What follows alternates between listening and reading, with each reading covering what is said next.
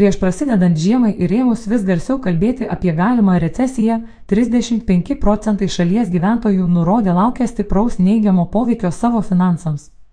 Tokius duomenis atskleidė KOG instituto užsakymų atlikta gyventojų nuomonės apklausa.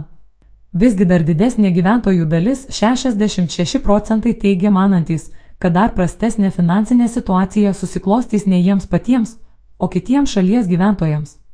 Kiek pagrysti buvo šie nuogastavimai ir kodėl savo finansinę padėtį gyventojai linkia vertinti geriau nei kitų. Panašu, kad kol kas didesnioji dalis gyventojų su išaugusiu kainų iššūkiais dorojasi ganėtinai sėkmingai. Vartojimas mažėja nedaug, santaupų turintys gyventojai kol kas jų leisti nėra linkę. Nors šiek tiek didėja pradelstų įsiskolinimų kiekis, tačiau apibendrinus galima sakyti, kad daugeliu gyventojų šis metas nors ir įtemptas, tačiau nėra toks blogas, sako Svetbank. Finansų instituto vadovė Juratė Cvilikienė, įtampa finansams išlieka, kaip pastebėjo Cvilikienė, dalies gyventojų biudžetuose išaugusios kainos bei padidėjusios paskolų palūkanos sukėlė įtampą. Lietuvos banko duomenimis, vartojimo kredito gavėjų įsiskolinimų, kai mokėjimas buvo pradelstas daugiau kaip 90 dienų iš eilės.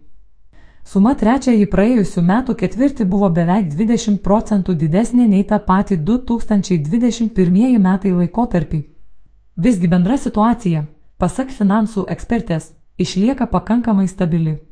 Gyventojų disponuojamas pajamas palaiko kompensacijos už elektros energiją, pigesnio kūro naudojimą šildymui sostinėje, kurioje šis šildymo sezonas potencialiai galėjo būti vienas brangiausių o taip pat šildymo kompensacijos žemas pajamas gaunantiems gyventojams, augantis MPD ir MMA, pensijos bei kitos valstybės paramos priemonės. Nepaisant finansinio nerimo ir neužtikrintumo, baigiantis praėjusiems metams gyventojai savo poreikių pernelyg neribojo. Netgi priešingai, juodojo penktadienio išlaidos interneto parduotuvėse buvo 21 procentas didesnės nei 2021 metai, rodo Svetbank duomenys. Išlaidų kalėdoms gyventojai taip pat nebuvo linkę reikšmingai mažinti švenčių stalui, gyventojai šį met planavo išleisti 17 procentų didesnę vidutinę sumą nei pernai. O dovanų biudžetą mažinti vos 4,5 procentų, komentuoja jo Cvilikienė.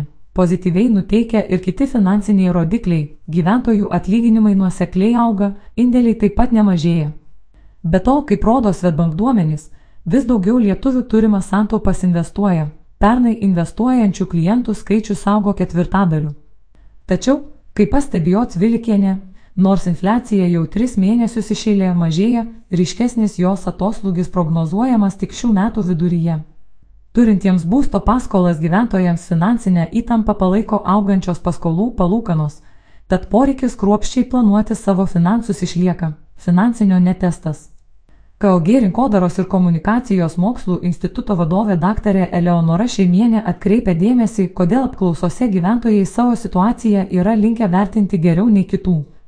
Viešojoje erdvėje girdimos diskusijos apie ekonominį nuosmukį bei infliaciją veikia gyventojų mąstymą, tačiau jei patys respondentai finansiškai jaučiasi gana stabiliai, didesnė dalis jų mano, kad galima sunkmetis kitus paveiks labiau nei juos pačius, sako dr. Ešimienė.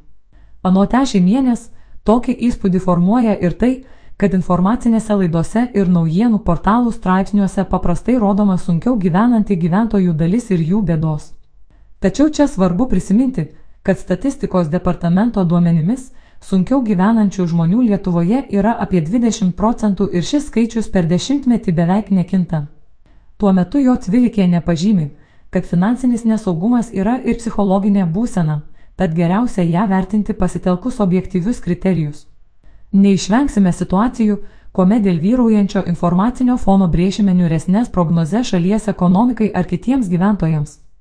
Visgi savo finansinį saugumą galime pasimatuoti objektyviais kriterijais, taip suteikdami daugiau ramybės ir užtikrintumo savo. Jei turime sukaupę bent 3-6 mėnesių išlaidų dydžio finansinį rezervą, įvertinę savo pajamas matome, kad gebame padengti išaugusius finansinius įsipareigojimus ir kitas būtinasias išlaidas. Randame erdvės nebūtinų išlaidų peržiūrai, tuomet galime jaustis labiau užtikrinti, sako jo Cvilikienė.